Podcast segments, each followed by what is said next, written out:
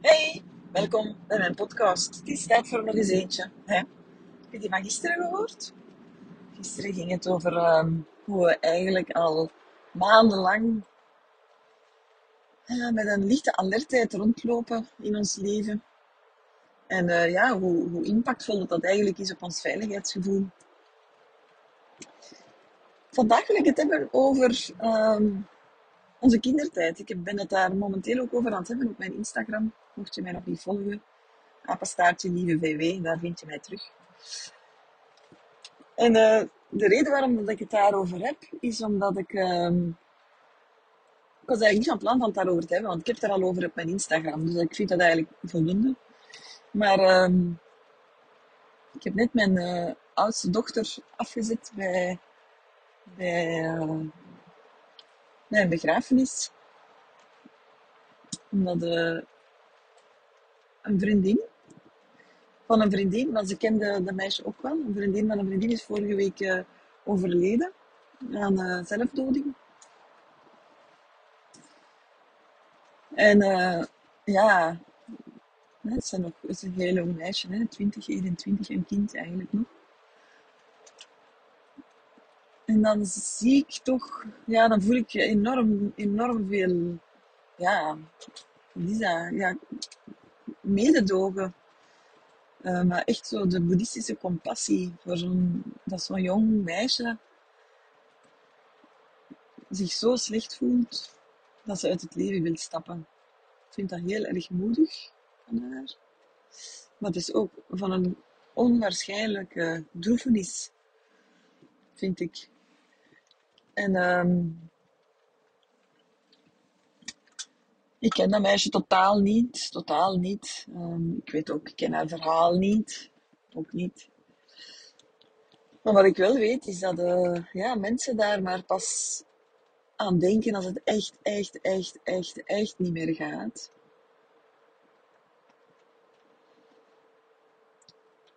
En ja, dat ben ik mij automatisch bij de kindertijd bij zo jonge mensen. Ja, wat ik het eerste wat ik mij, dan afvraag is, wat is er dat meisje overkomen?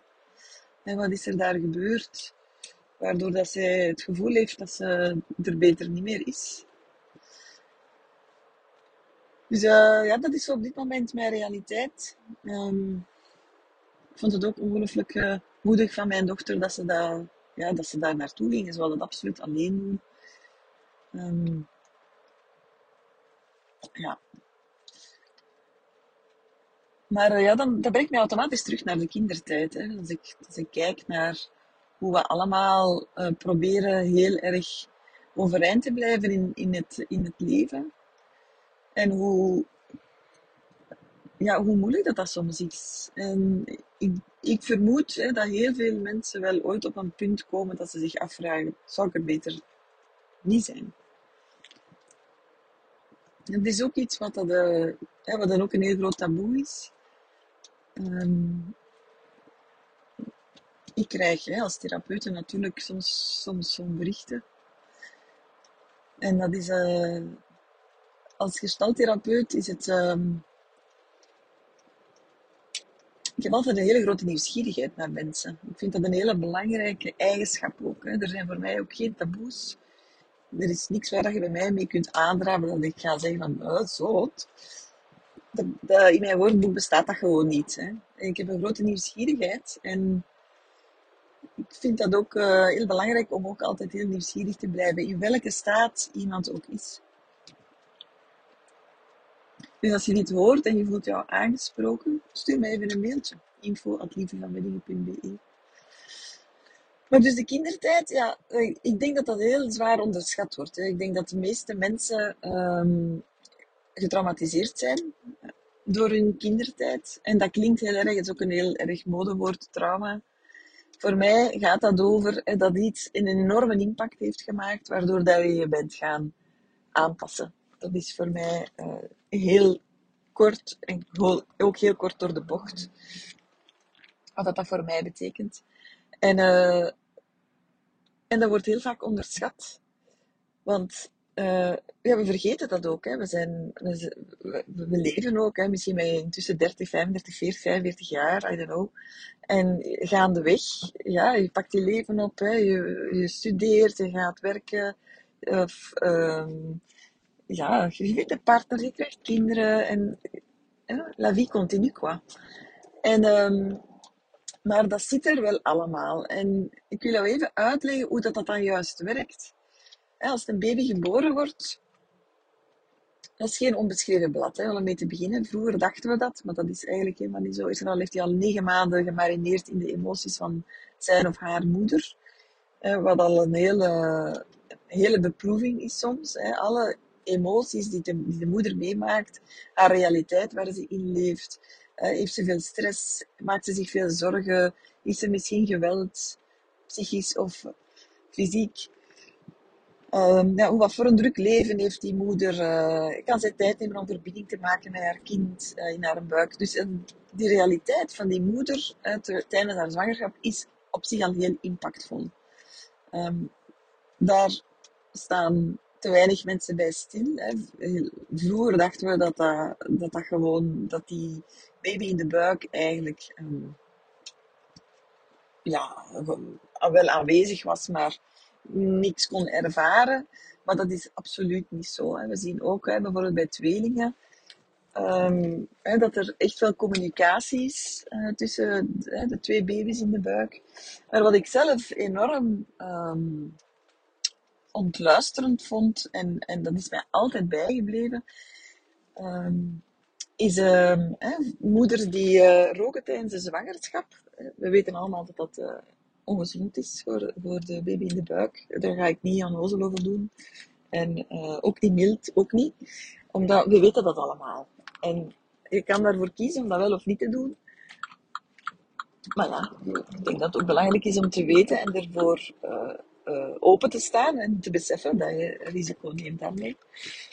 Um, maar wat dat interessant was, en dat vond ik, dat vond ik heel interessant, was dat ze gemonitord hebben als een, de moeder nog maar denkt aan een sigaret te willen roken. waardoor, haar, waardoor de hartslag uh, ook een stuk verhoogde. Hè, waardoor er ook iets veranderde in haar energie, maar ook in haar, de samenstelling van haar, van haar bloed. Ademhaling en al die dingen. Dat dat al opgepikt werd door de baby in de buik. Maar dat, hoe fantastisch is dat eigenlijk? Hè? Um, dus ja, dus we zijn meer en meer um, tot het besef gekomen eigenlijk dat hè, de, de, baby in de buik al heel veel oppikt. En we weten dat ergens wel, hè, want we praten ook uh, tegen, tegen onze baby's in de buik. En we doen dat ook waarom? Omdat die dan onze stem herkent. Maar de stem is iets uit gehoor, ontwikkeld redelijk, redelijk laat, tussen aanhalingstekens, um, in, de, in de ontwikkeling.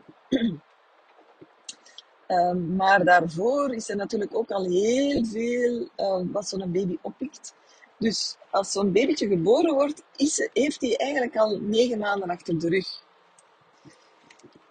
En dan wordt zo'n baby geboren en die komt idealiter in een nest terecht waar het heel welkom is. Welkom, warm, liefdevol, hè, waar er naar uitgekeken is, hè, waar er heel veel support is en uh, responsiviteit. En daar heb ik al over gesproken. En we weten allemaal, denk ik wel, hè, wat het ideaal is hè, voor een baby, ideale context voor een baby. Hè. Liefde, verbinding, aanwezigheid, nabijheid, uh, responsiviteit. Hè, dat er echt met aandacht aanwezig kan zijn. Dat is het ideaal, maar helaas is dat zelden zo. Hè, ouders zijn vaak druk bezig. Um, de realiteit is ook, zijn er andere kinderen of niet? Hoe is er die relatie tussen dat koppel? Hoe is die bevalling geweest van die mama? hoe is die zwangerschap geweest van die mama? Um, ja, wat is de sociale status waar zo'n kind geboren wordt? Zijn er veel zorgen? Is er stress? Wat is de psychische gezondheid van de mama? Speelt allemaal een rol. En dat gaat ervoor zorgen hoe dat zo'n baby wordt opgevangen. Nu, verlies u niet, een baby voelt dat wel. Hè? Is heel responsief, pikt heel veel op, is energetisch heel erg open. Dus je kan niet doen alsof dat, dat geen impact heeft. Hè. Dat heeft ook op jou impact gehad. Dus uh, als je niet weet hoe dat, dat geweest is voor jou, ga daar eens, ga daar eens over praten. Als je, als je ouders nog leven, als vader of moeder nog leeft. Ja, go check it out. Hoe is dat geweest? Hè? En gaandeweg gaat een baby eigenlijk zich een referentiekader vormen van, uh, van zijn realiteit. Hè?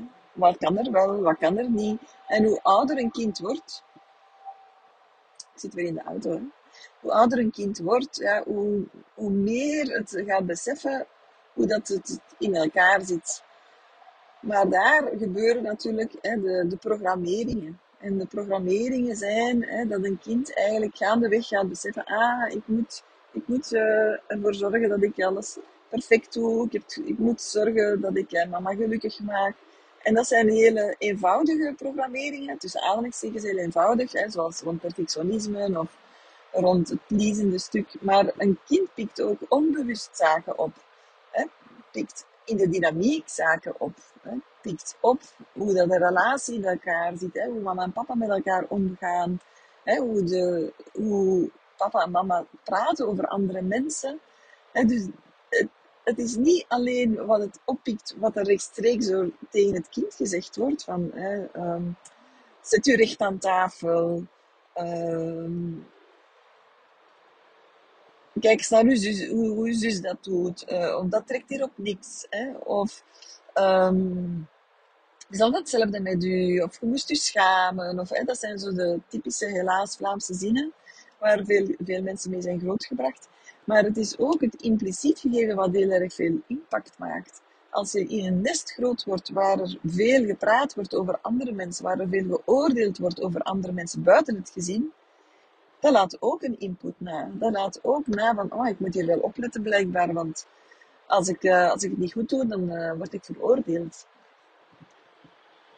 Dus uh, gaandeweg, hè, die eerste jaren, de eerste drie jaar zijn cruciaal, de eerste duizend dagen zijn cruciaal. Daarna tot het zevende levensjaar ongeveer. Die eerste jaren maken heel, heel veel impact. En uh, zoals ik in, een, in een andere podcast al verteld heb, die impact zit in het brein. En je kan daar niet zomaar vanaf geraken. Waarom niet? Omdat we vol continu reactief zijn. We worden vol continu eigenlijk gealarmeerd in ons brein in contact met andere mensen. Bijvoorbeeld, stel, stel dat iemand. Um, stel dat uw partner uh, heel erg boos wordt. En dat doet jouw brein herinneren aan uw vader die zo vaak boos geworden is op jouw moeder. Ja, dan kom je in een automatische respons terecht. En dan kom je in een reflex terecht. En die reflex die zorgt ervoor dat je feitelijk geen Hmm. Die reflex zorgt er eigenlijk voor dat je geen grip niet meer hebt op, op, uh, op wat dat je doet, op wat dat je denkt, op wat dat je voelt. En uh, ja, daardoor ga je op een bepaalde manier gedragen waarvan dat je achteraf zegt van, maar wat was dat nu? Ja, in, het beste geval ga je dat zeggen. Wat is dat nu? In het slechtste geval besef je dat zelfs niet. Gebeurt dat gewoon. En dat is ook wat we gezien hebben bij onze ouders. Um, onze eigen ouders waren ook, ook heel reactief. Zonder dat ze het zelf beseften. Uh, je laat een glas vallen en je vader ontploft. Hoe is dat nu mogelijk? Het is altijd hetzelfde en dom kalf. En allee, wat zij zeggen, ouders allemaal. Ja, dat, ook die, die, die man is op zo'n moment super reactief. Waarom? Omdat hij door zijn eigen vader geslagen werd als hij iets liet vallen. Of omdat hij zelf enorm, enorm ge, ge, um, geraakt wordt in een oud stuk van hem. Als hij iets liet vallen, ja, dan werd, was hij heel bang, want dan moest hij zonder eten naar bed, bijvoorbeeld. Dus daaraan zie je eigenlijk dat trauma van generatie op generatie op generatie wordt doorgegeven. En op, het is cruciaal dat op een bepaald moment iemand in de generatie beslist om die overdracht van trauma te stoppen. En hoe doen we dat? Dat doen we door stil te staan. het is cruciaal dat we leren stilstaan bij, bij wat we hebben meegemaakt. Wat ik vind, weet je, dat wordt dat wordt veel te veel onder de mat geveegd. Uh, ah, maar het is niet zo erg. Of ah, ze gaan daar niet van dood. En ach, het is overal iets. En ah ja, volgende week uh, is hem dat vergeten. Maar dat is, dat is niet zo. Dat is gewoon niet zo. Dat is, het kan zijn dat dat verdrongen wordt. Maar dat is niet vergeten. Dat zit in je lichaam. Als je een stressrespons krijgt, dat heel je lichaam doet daaraan mee. Je, je voelt, uh, ja, je lichaam bouwt spanning op. Er gaan stresshormonen door je lichaam. Uh, ja, je kunt, hè, als je een trauma meemaakt, hè, kun je in een freeze terechtkomen of in een fight. Er zit heel veel energie op ook. Hè. Dus dat, is, dat wordt allemaal bijgehouden in je lichaam. Dus dat is, we vergeten dat niet zomaar. En we vergeten het niet zomaar. Waarom niet? Omdat dat gewoon iets heel fysiek is. En doordat dat fysiek is, wordt daar ook een herinnering uh, in opgeslagen. En we zien dat heel, heel veel bij seksueel misbruik. Natuurlijk wordt dat uitgegond soms, omdat dat gewoon te pijnlijk, te heftig is en wat weet ik allemaal. Ik weet bijvoorbeeld niks meer over mijn seksueel misbruik. Um, ik weet zelfs niet meer wat er gebeurd is, maar mijn lichaam weet het wel. Mijn lichaam weet het heel, heel goed. En ja, hoe wakkerder dat, dat stukje wordt, ja, hoe, hoe duidelijker mijn lichaam reageert. En hoe meer dat het uh, zegt van, wow, stop. Hold, wat gebeurt er? Uh, alarmbellen die afgaan. Maar dat is allemaal verdrongen. Ik was nogthans niet zo super jong meer, maar het is wel verdrongen. En in hele specifieke situaties, ik heb daar al over verteld, ja, komt mijn lichaam in, in opstand en, en uh, gaat, het gaat het mij beschermen. Dus um, denk zeker niet dat, dat, de, dat je dat vergeten bent. In je brein misschien wel, maar in je lichaam absoluut niet. En het is omdat het er zit in je lichaam, in je brein, dat, uh, dat je in die reacties komt. En die reacties, die brengen jou dan weer bij oudere stukken, hè, oude trauma's. Je herinnert je dat nog ergens en je gaat dan ergens misschien denken, maar alleen, hoe komt nu toch dat ik daar zo heftig op reageer? Want heel vaak is er geen match tussen wat, dat je, wat er jou overkomt en hoe dat jouw reactie daarop is. En daardoor weet je dat je eigenlijk reageert op, op iets, op iets van, van vroeger. Maar dus, het is dus in de vroege kindertijd dat we onze patronen, hè, dat die worden er uh, min of meer ingebeiteld. En uh, waar dat je dus ook op gaat reageren op je, in je persoonlijk leven nu. En ik zie dat veel mensen het ofwel um, ja, tolereren van zichzelf. Hè, maar ja, het is niet zo erg. En uh, ah ja, zo ben ik nu eenmaal. Maar heel vaak ben je niet zo eenmaal. Je bent zo geworden. Ook bijvoorbeeld uh, mensen die heel zelfstandig zijn, bijvoorbeeld, uh, die, die zeggen: Ja, ik ben altijd heel zelfstandig geweest. Maar kinderen zijn niet gemaakt om zelfstandig te zijn. Ze zijn gemaakt om eerst heel erg afhankelijk te zijn en dan beetje bij beetje die afhankelijkheid los te laten en dan meer en meer zelfstandig te worden. Dat is de bedoeling. Um, maar ook daar zit heel veel overgeleverd trauma op. Hè. Trauma van hè, de kinderen moeten zelfstandig zijn en ze moeten het alleen kunnen, ze moeten sterk zijn en verhard u maar en de wereld is hard, dus jij moet ook hard worden. Die zaken allemaal, is allemaal zeer, zeer schadelijk. Dus als je voelt bij jezelf, eerst, eerst, wel, eerst en vooral is het natuurlijk belangrijk om te weten wat er gebeurd is. In wat voor een klimaat ben je groot geworden? Ga daar eens op, ga eens op onderzoek uit. Ga eens kijken naar ja, hoe, hoe dat je bent groot geworden. Heb je, hoe gingen ze met je om als, toen dat je huilde bijvoorbeeld als babytje? Ga dat eens vragen. Ja, troosten ze jou dan of niet? Ja, dat is, is heel schadelijk om een baby alleen te laten wenen. Um, maar ook, ja, heb je veel fysiek contact gekend? Um, hè, was er iemand in huis die jou goed aanvoelde, hè, die goed kon intunen op wat je nodig had? Die dingen allemaal. Maar ook, ben je gestraft geweest? Hoe ben je gestraft geweest? Uh, is, werd er met jou gepraat of niet gepraat? Want heel veel van jouw gedrag nu is eigenlijk rechtstreeks terug te brengen tot, tot je kindertijd. Is dat allemaal even heftig geweest?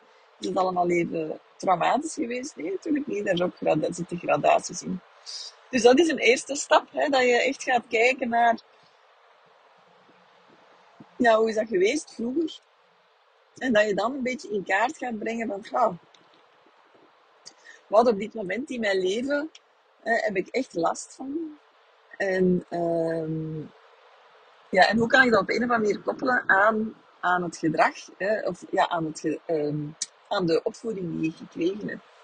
In die tijd gaan we daar heel diep op in. Hè. Dat is ook belangrijk dat je dat in kaart kunt brengen en dat je daar meer en meer afstand van kunt nemen en dat je dat meer en meer ook kunt gaan helen. Is het belangrijk dat je je alles herinnert? Nee, dat is niet belangrijk. Maar je, want je kan eigenlijk vanuit je lichaam ook gaan herstellen. Het, het punt is, is dat als je veel hebt meegemaakt als kind en dat je veiligheidsgevoel uh, geraakt is. En uh, je merkt dat aan uh, hoe, de manier waarop dat je um, alert bent in het leven. Snap je? Sommige mensen lopen rond in hun leven altijd op hun hoede. En doordat je altijd op je hoede bent, heb je natuurlijk een, een automatische... Je bent eigenlijk gestresseerd zonder dat, je het, zonder dat je beseft. Maar waarom? Omdat je bent groot geworden in zo'n context die zo onveilig was, dat je moest wel alert zijn. dat is alsof je door een oorlogsgebied stapt. Ja, dat ga je, ga, ben je ook op je hoede. Eh, sommige mensen worden groot in oorlogsgebied. Er kan altijd wel iets gebeuren. Een vader die ontploft, een moeder die uh, hysterisch wordt, of uh, mama die opeens begint te huilen. Of, weet je, dat zijn voor kinderen allemaal uh, inslagen. Hè? Want wat een kind eigenlijk nodig heeft, is stabiliteit, veiligheid, voorspelbaarheid. En dat er niet om de vijf voet een mijn kan ontploffen. Dus ja, ga daar, ga daar echt mee aan de slag. Observeer jezelf. En, en, en leer jezelf kennen daarin. En zodanig dat je meer zicht krijgt op wat dat je aan het doen bent. Want natuurlijk vertoon jij gedrag op dit moment misschien, waarvan dat jij denkt, wow, dat is normaal. Maar uh, als je daar dan dieper op in gaat gaan, dan is dat eigenlijk puur een respons op, op stress, op dingen die je vroeger hebt meegemaakt, op een vol continu onveiligheidsgevoel. En dat hoeft helemaal niet zo te zijn. Dat hoeft echt niet. Je kan daar echt stappen in zetten zodanig dat je iets meer ontspannen kan voelen en veiligheid kan creëren voor jezelf. Um, maar dat, uiteraard, dat is echt een werk van lange adem. Maar ik wil, ik wil je vooral meegeven uh, waar dat je ook zit op dit moment. En wat, wat dat je moeilijk vindt. Of waar, hè, als je voelt hè, dat jouw kind woede-uitbarstingen uh, heeft. Of uh, echt duidelijke signalen geeft. Ik denk dat het echt belangrijk is om naar jezelf te gaan kijken. Hè, naar te gaan kijken naar... Wacht, wait a minute. Hoe is dat eigenlijk bij mij gegaan en wat heb ik daaraan overgehouden? En welk gedrag op dit moment in mijn leven vloeit daar rechtstreeks uit voort. Ik zou niet te snel denken dat het past bij jouw persoonlijkheid. En ik wens je ook heel erg toe dat je iemand in jouw omgeving hebt die daarin een spiegel mag zijn. En die, dat je aanvaardt dat er iemand zegt, ja, ik zie jou graag en um, ik heb misschien wel iets gezegd of gedaan wat aan jou pijn gedaan heeft, maar de reactie die je daarop geeft is eigenlijk buiten proportie. Wat is er eigenlijk echt gaande? Waarin word je geraakt? Waarin word je gekwetst? Uh, of waarin voel je je gekwetst? En dat je van daaruit dan, dan stappen kan zetten naar, naar, ja, naar heling, maar ook naar vergeving. Dat is een, een hele belangrijke. Vergeving, daar moet ik misschien ook eens een podcast over opnemen. Zo, dat was het voor vandaag. Dankjewel om te luisteren. En uh, ik wens jou nog een hele fijne dag.